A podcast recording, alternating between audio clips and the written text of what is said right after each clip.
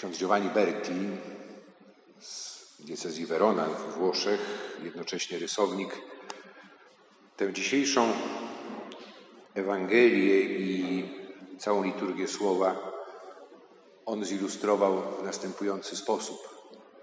Gdyby ktoś chciał, może to zobaczyć na Facebooku, czy na jego koncie, czy ja to wczoraj udostępniłem. Ksiądz, który rozmawia z mężczyzną i ksiądz się żali, że chrześcijanie bardzo słabo znają Ewangelię i nie wiedzą, dlaczego Jezus umarł. A jego rozmówca odpowiada: Umarł zdziwiony? Nawet nic nie słyszałem o tym, że chorował. I można się uśmiechać i myśleć o ignorancji wielu, ale tak naprawdę, czy my lepiej znamy Jezusa, czy wyuczone w dzieciństwie czy młodości formułki katechizmowe rzeczywiście e, prowadzą nas do znajomości Jezusa jako osoby i tego, kim On rzeczywiście jest.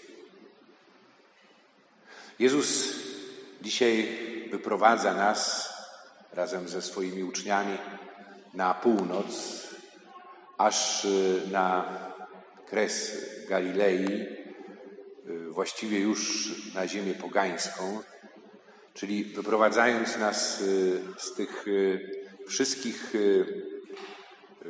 okoliczności czy miejsc, które jakby podsuwają nam odpowiedź na pytanie o to, kim On jest. Gotową odpowiedź, która jak się okazało, tak naprawdę nie służy przyjęciu Jezusa jako y, Pana i Zbawiciela. Bo Jezus wyprowadza swoich uczniów do Cezarei Filipowej. Jest to miasto pogańskie, które jest w trakcie budowy i znajdujące się tam źródła Jordanów według y, przekonań pogańskich. Tam była umiejscowione też właśnie to, co słyszymy, bramy piekielne, czyli wejście do krainy umarłych. I tam Jezus y, stawia te pytania o to, za kogo ludzie uważają mnie i wy za kogo mnie uważacie. Ale stawia te pytania w konkretnych okolicznościach, bo jego misja przeżywa kryzys. Początek działalności, głoszenie Ewangelii potwierdzone y, znakami, cudami, y, pociąga do Jezusa wielu ludzi.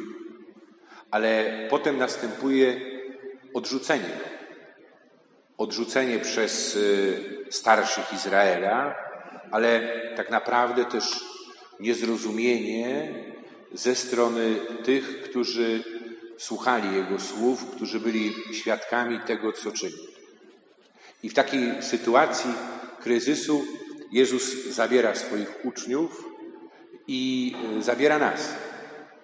My możemy podobnie powiedzieć o sobie, że jesteśmy w sytuacji kryzysowej że nasza wiara się chwieje, że nasze myślenie o Kościele daje nam wiele powodów do y, nie tylko niepewności, ale jest y, źródłem y, bólu, jest źródłem zamieszania. Jezus pyta nas. Pyta o to, co tak naprawdę jest ważne i istotne pytając najpierw o to, za kogo inni go uważają, odnosi się do tych gotowych odpowiedzi, jakie mamy. Możemy powiedzieć, że taka sytuacja kryzysu to jest tak jak, nie wiem, w relacji miłości, w małżeństwie, nie wiem, w narzeczeństwie, wśród przyjaciół, wśród ludzi bliskich sobie. My się wydaje, że znajemy, że znamy się dobrze, że niewiele nas zaskoczy i nagle przychodzi taki moment, taka sytuacja, że ja nagle mówię, takiego Ciebie nie znałem. I to jest y, znak sytuacji kryzysu, że ta nasza relacja wymaga pogłębienia. Że ja być może patrzę na drugiego poprzez gotowe schematy, no bo inaczej nie potrafię funkcjonować w świecie i że traktuję drugą osobę jako rzecz, jako coś gotowego, coś skończonego, że ja doskonale wiem, czego się po drugim spodziewać, że nic nie jest mnie w stanie zaskoczyć. Ale żywa relacja wymaga nieustannego potwierdzania, odkrywania, wpatrywania się i wsłuchiwania się w drugą osobę. To właśnie tak jak w takiej relacji miłości, kiedy pyta się jedno, jedna osoba drugą właśnie, ale kim ja dla Ciebie jestem? I to pytanie powtarza się nieustannie i ono domaga się odpowiedzi. W taki sam sposób Jezus chce ożywić naszą relację. On pyta się o to, kim On jest dla nas. To nie jest moje osobiste poszukiwanie, to nie jest moje pytanie o Boga, ale On sam zadaje mi to pytanie z troski o mnie, z miłością. Tak jak y, w małżeństwie, kiedy pojawia się sytuacja kryzysu, bardzo często w takiej już napiętej, y, konfliktowej sytuacji, to właściwie y, rozmowy, żeby nie powiedzieć kłótnie, ograniczają się do tego, co dzieli, do tego, co jest źródłem niezgody czy konfliktu, do tej przysłowiowej teściowej. A mało kto rozmawia o tym, co rzeczywiście jest istotne, co jest najważniejsze, co jest źródłem tej relacji, o wzajemnej miłości, o tym, kim ta druga osoba rzeczywiście jest dla mnie. I teraz w takiej sytuacji kryzysu, kryzysu wiary, kryzysu Kościoła, Jezus stawia nam to pytanie. Za kogo inni mnie uważają, ale wy za kogo mnie uważacie? I odpowiedzi na to pytanie udziela Piotr. On staje się rzecznikiem całego kolegium apostolskiego, a tak naprawdę Kościoła. I on w imieniu y, innych składa to wyznanie wiary. Ty jesteś Mesjasz, syn Boga żywego.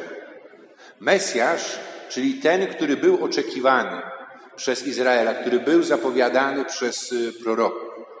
Ale nie wystarczy wyznać wiarę w Jezusa jako Mesjasza, bo to byli w stanie przyjąć i uczynić także i y, inni, którzy szli za Jezusem, ale wyznać, że On jest jednocześnie Synem Bożym. Czyli jest kimś dużo więcej niż był spodziewany. Kimś, kogo tak naprawdę my nie jesteśmy w stanie w jakikolwiek sposób zaszufladkować, y, pojąć. To jest ta wielka nowość i to jest y, ta wielkość niezgłębionej Bożej miłości, Jego mądrości, której pisze święty Paweł, która jest nam dana po co? Po to, aby być dla nas źródłem życia. Ale tego nikt nie może wyznać sam z siebie, bo to nie jest e, owoc e, moich e, osobistych rozmyślań czy tego, co się nauczyłem. To jest dar Ojca przez Ducha Świętego. I jeśli ja rzeczywiście wyznaję wiarę w Jezusa Chrystusa, Mesjasza, ale i Syna Bożego, jest to potwierdzenie i owoc działania Ducha Świętego w nas, we wspólnocie Kościoła, także i w moim życiu. Ale nie chodzi o odpowiedź e, właśnie za pomocą formułki, bo tu nie chodzi o słowa, tu chodzi o serce, tu chodzi o e, moje osobiste i wspólnotowe doświadczenie tego, kim rzeczywiście jest e, Jezus Chrystus. I kiedy Piotr wyznaje wiarę w Jezusa Chrystusa, jest to wiara pierwszej wspólnoty Kościoła, to jednocześnie słyszy w odpowiedzi o to, że jest właśnie, że jest szczęśliwy, że jest błogosławiony, bo to jest owoc działania Boga w jego życiu.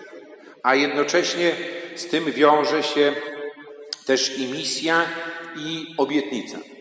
Słyszymy, Ty jesteś skałą i na tej skale, na tym fundamencie zbuduję mój Kościół. To jest bardzo ważne, że Kościół nie jest ludzkim tworem, to jest Kościół Jezusa Chrystusa. I tak naprawdę kamieniem węgielnym tej budowli jest sam Jezus Chrystus. On, który był widoczny wtedy, kiedy y, żył, y, a po śmierci, swoim zmartwychwstaniu i w niebo wstąpieniu jest tym niewidzialnym kamieniem węgielnym. Ale On chce budować swój Kościół na fundamencie wiary, wiary, którą której y, jakby, można powiedzieć, y, wyrazem jest y, wiara apostołów i łączność z Piotrem. Oni są gwarantem prawdziwości i autentyczności wiary całej wspólnoty. Oni są tym fundamentem, fundamentem, który nie jest doskonały, bo to jest bardzo delikatny materiał, bo oni są tak samo krusi, słabi jak ja, jak każdy z nas. I tenże Piotr po tym, co usłyszał, niebawem zdradzi Jezusa. Zdradzi razem z innymi apostołami. On się go publicznie wyprze. Odetnie się od niego. Przed nim jest dalsza droga, droga, która jest drogą też i nawrócenia. odkrywania swojej słabości, ale jednocześnie na nowo potwierdzania w sytuacji też i upadku, yy, w sytuacji zdrady, wiary w to, że Jezus Chrystus jest y, Mesjaszem, ale jest i Synem Bożym. I to jest wiara, która jest y, wiarygodna. To jest y, wiara, która jest umocnieniem dla innych.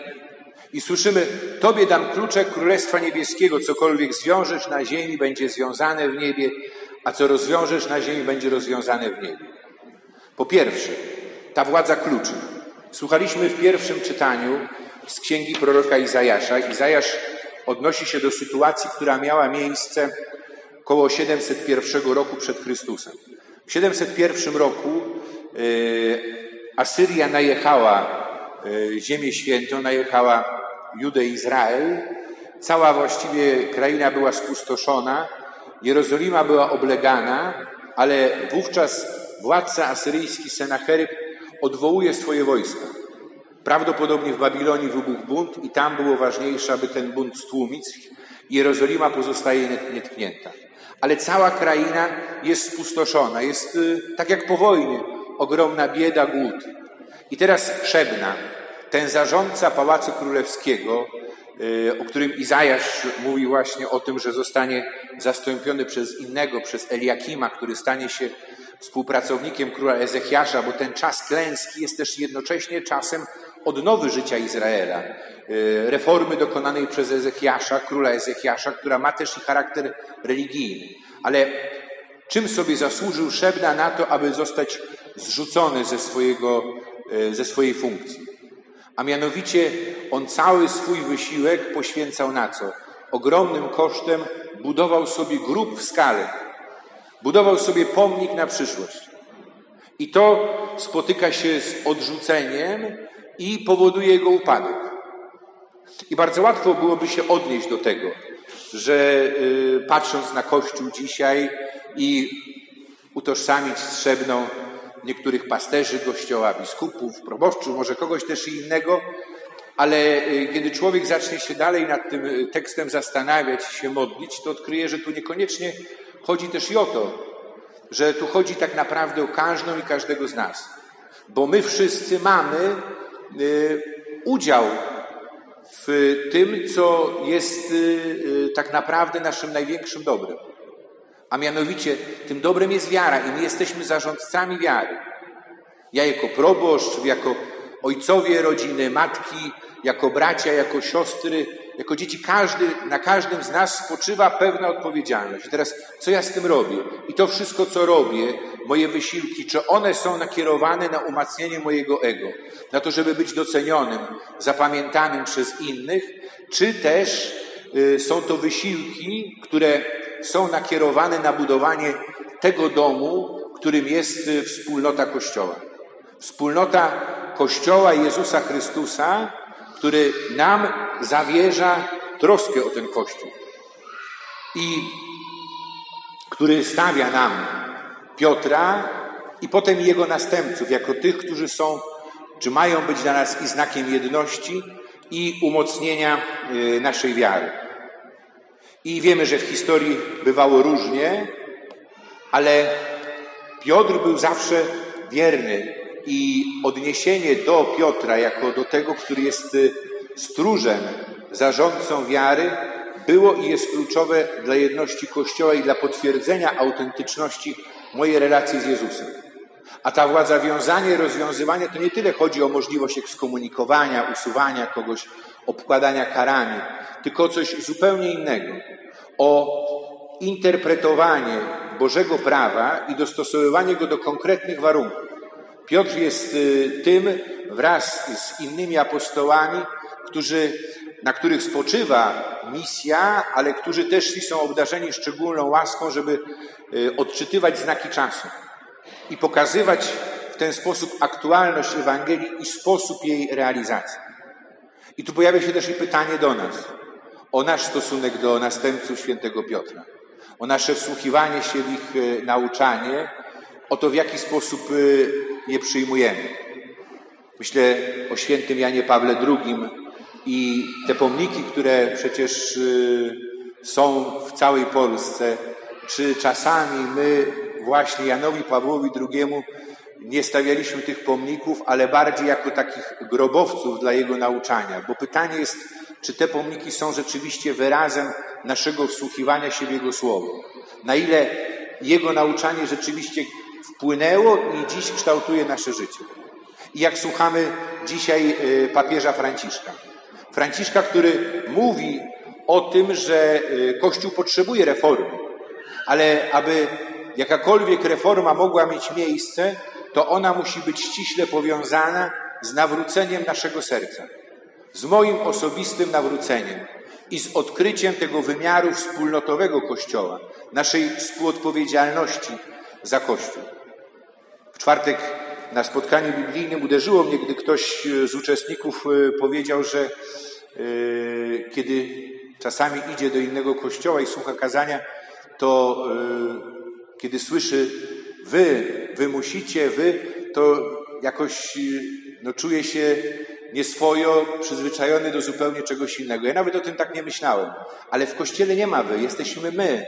My jesteśmy jedną wspólnotą w Jezusie Chrystusie. I to na ile jesteśmy tym my, jest znakiem naszego związku, naszego odkrywania tego, kim rzeczywiście jest Jezus. Jezus, który jest Mesjaszem, który jest y, Synem Bożym. I moje wyznanie wiary w Jezusa. Dzisiejsza Ewangelia kończy się zakazem y, opowiadania innym o tym, że On jest Mesjaszem. Dlaczego? Bo potrzeba doświadczenia, potrzeba przejścia pewnej drogi razem, aby odkryć, kim jest Jezus. Kiedy ja mówię, że Jezus jest Mesjaszem, jest Synem Bożym, jest moim Panem i Zbawicielem, to mogę to powiedzieć tylko wtedy, kiedy odwołuję się do konkretnych doświadczeń swojego życia. Do tego w moim życiu, co absolutnie nie miałoby miejsca, gdyby w nim nie było Pana Boga, co jest ewidentnie dziełem samego Boga, który działa we mnie, we wspólnocie przez Ducha Świętego.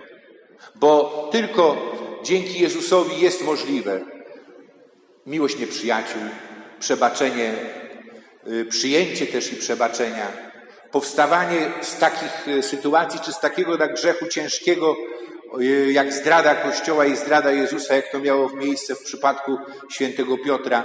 Przyjmowanie życia jako daru, ale też i obdarowywania e, tym darem innych. Troska tak naprawdę o drugiego. To budowanie relacji, takich, że moja relacja do drugiego jest taka, jaka jest relacja Pana Boga do mnie. To, w jaki sposób ja się odnoszę do innych, jest wyrazem tego, w jaki sposób ja przeżywam swoją relację z Panem Bogiem. Jezus zaprasza nas do tego, abyśmy odnowili te relacje, abyśmy odrzucili utarte schematy, abyśmy postawili sobie dziś na nowo, albo raczej usłyszeli to pytanie, które On kieruje do nas. A wy za kogo mnie uważacie? Zachęcam gorąco, abyśmy może znaleźli też chwilę czasu dzisiaj na to, aby zastanowić się nad swoim życiem, aby zapytać się o swoje doświadczenie Jezusa, kim rzeczywiście jest Jezus dla mnie i aby to przełożyło się na moją osobistą i wspólnotową modlitwę. Tę modlitwę, jaką daje nam Kościół w drugim czytaniu, bo to zakończenie jedenastego rozdziału listu do Rzymian jest tak naprawdę hymnem liturgicznym.